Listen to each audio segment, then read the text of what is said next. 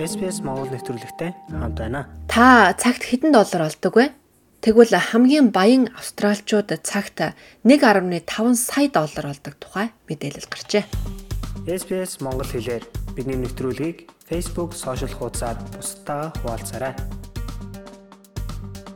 Олон австралчууд цар тахлын үр дагаврыг даван туулж асар өндөр амжиргааны өртөгт дарлуулж байхад хамгийн баян хүмүүсийн хөрөнгө хоёр дахин нэмэгджээ. Та Австралийн хамгийн баян 3 хүнийг мэдэх үү? Уулуурхаан магнат Жина Рейнхарт, өхрийн аж ахуй болон уулуурхаан бизнесмен Андрю Форест, үл хөдлөх хөрөнгө хөгжүүлэгч Хари Трикобов нар Австралийн хөрөнгөтнүүдийн жагсаалтыг тэргүүлдэг юм. Тэгвэл тэдний хөрөнгө 2020 оноос хойш 2 дахин өссөн болохыг Oxfam байгууллагаас гаргасан шин дүгнэлтээс харж байна. Энэ байгууллагын мэдээлж байгаагаар Австралийн хамгийн баян хүмүүс цагт дунджаар 1.5 сая доллар олдог. Тус улсын тэр бомтнуудын нийт хөрөнгө 70 гаруй хувиар буюу 120 тэрбум доллараар нэмэгдсэн байна. Дэлхийд даяар тэр бомтнуудын хөрөнгө 2020 оноос хойш бараг 5 их найд доллараар илүү болсон байхад 5 тэрбум хүн амь насанд нь аюул учирхуйц хэмжээнд ядуурсан байна гэж Oxfam мэдээлжээ. Тэгвэл Австралийн нэг ажилтан дунджаар цагт 39 доллар 50 сент авдаг.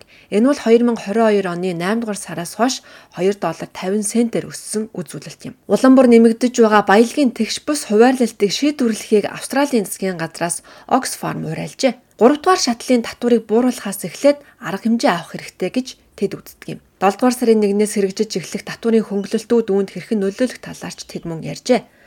45 мянган доллараас дээш татвар ногдуулах орлоготой ажилчид Энэ хөнгөлөлтөөс ашиг хүртэх боловч өндөр орлоготой хүмүүс хамгийн ихээр ашиг хүртэхээр байгаа юм. 200 мянган доллар ба түүнээс дээш орлоготой хүмүүсийн татварыг жил бүр 9 мянган доллараар хөнгөлөх бол 50 мянган долларын орлоготой хүмүүсийн татварыг 125 доллараар бууруулахаар төлөвлөгдөжээ. Oxfam Австралийн байгууллагын гүйцэтгэх захирал Лин Морган засгийн газрууд баялагын хуваарлалтыг сайжруулах үүрэгтэй хэмээн хэлсэн байна. Дэлхийд даяар тархсан ядууралтай зэрэгцээд баялагын хуримтлалыг дэмждэг нийгмийг бид хүлээн зөвшөөрөх боломжгүй юм а гэмээн тэд ярьжээ.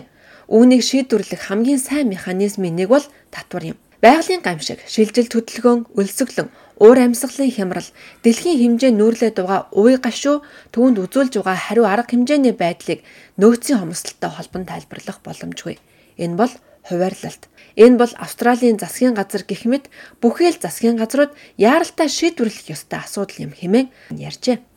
Ерхий сайд Энтони Албанеси хэлэхдээ засгийн газар тэгш бус байдлыг зохицуулахын тулд тууштай байгаа ч татварын хөнгөлөлтүүдийг үргэлжлүүлсээр байх болно хэмээн мэдэгдсэн юм. Тэр бомбнуудын ихэнх нь ирчүүд байдаг тухай мөн энэ тайланд дурджээ. Оксфамын тайланд мөн дэлхийн хамгийн баян 5 тэр бомбны хөрөнгө нь 2020 оны ихэнх үеэс хоёр дахин өсөж харин хүн төрөлхтний 60% нь ядуурсан тухай дурджээ.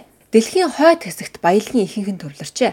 Тодруулбал тэнд хүн төрөлхтний 21% нь амьдардагч нийт баялагын 69% нь тэнд төвлөрсөн байгаа юм. Тэр бомбнуудын дийлэх хувийг ирчүүд эзэмшдэг юм. Дэлхийн хэмжээнд ирчүүд эмэгтэйчүүдээс 105 их 80 доллараар илүү их баялагийг эзэмшдэг юм. Дэлхийн хамгийн баян 5 эрэгтэй хүний хөрөнгө 2020 оноос хойш гэхэд 610 тэрбум доллароос 1.3 их 80 доллар болон нэмэгджээ.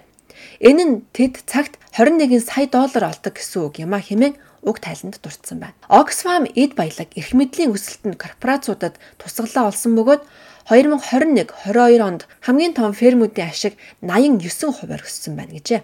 148 топ корпорац жилд дунджаар 1824 тэрбум долларын ашиг олсон. 3 жилийн дунджаас 52 хувиар өссөн гэсэн үг юм. Гэтэл олон зуун сая хүмүүсийн бодит цалингийн хэмжээ хасагдсан байна. Эдгээр корпорацууд 15.3 их 80 долларын хөрөнгөтэй бөгөөд энэ нь Африк, Латин Америкийн бүх улсуудын дотоодын нийт бүтээгдэхүүний нийлбэртэй тэнцвэц дүг юм а. SBS Монгол хэлээр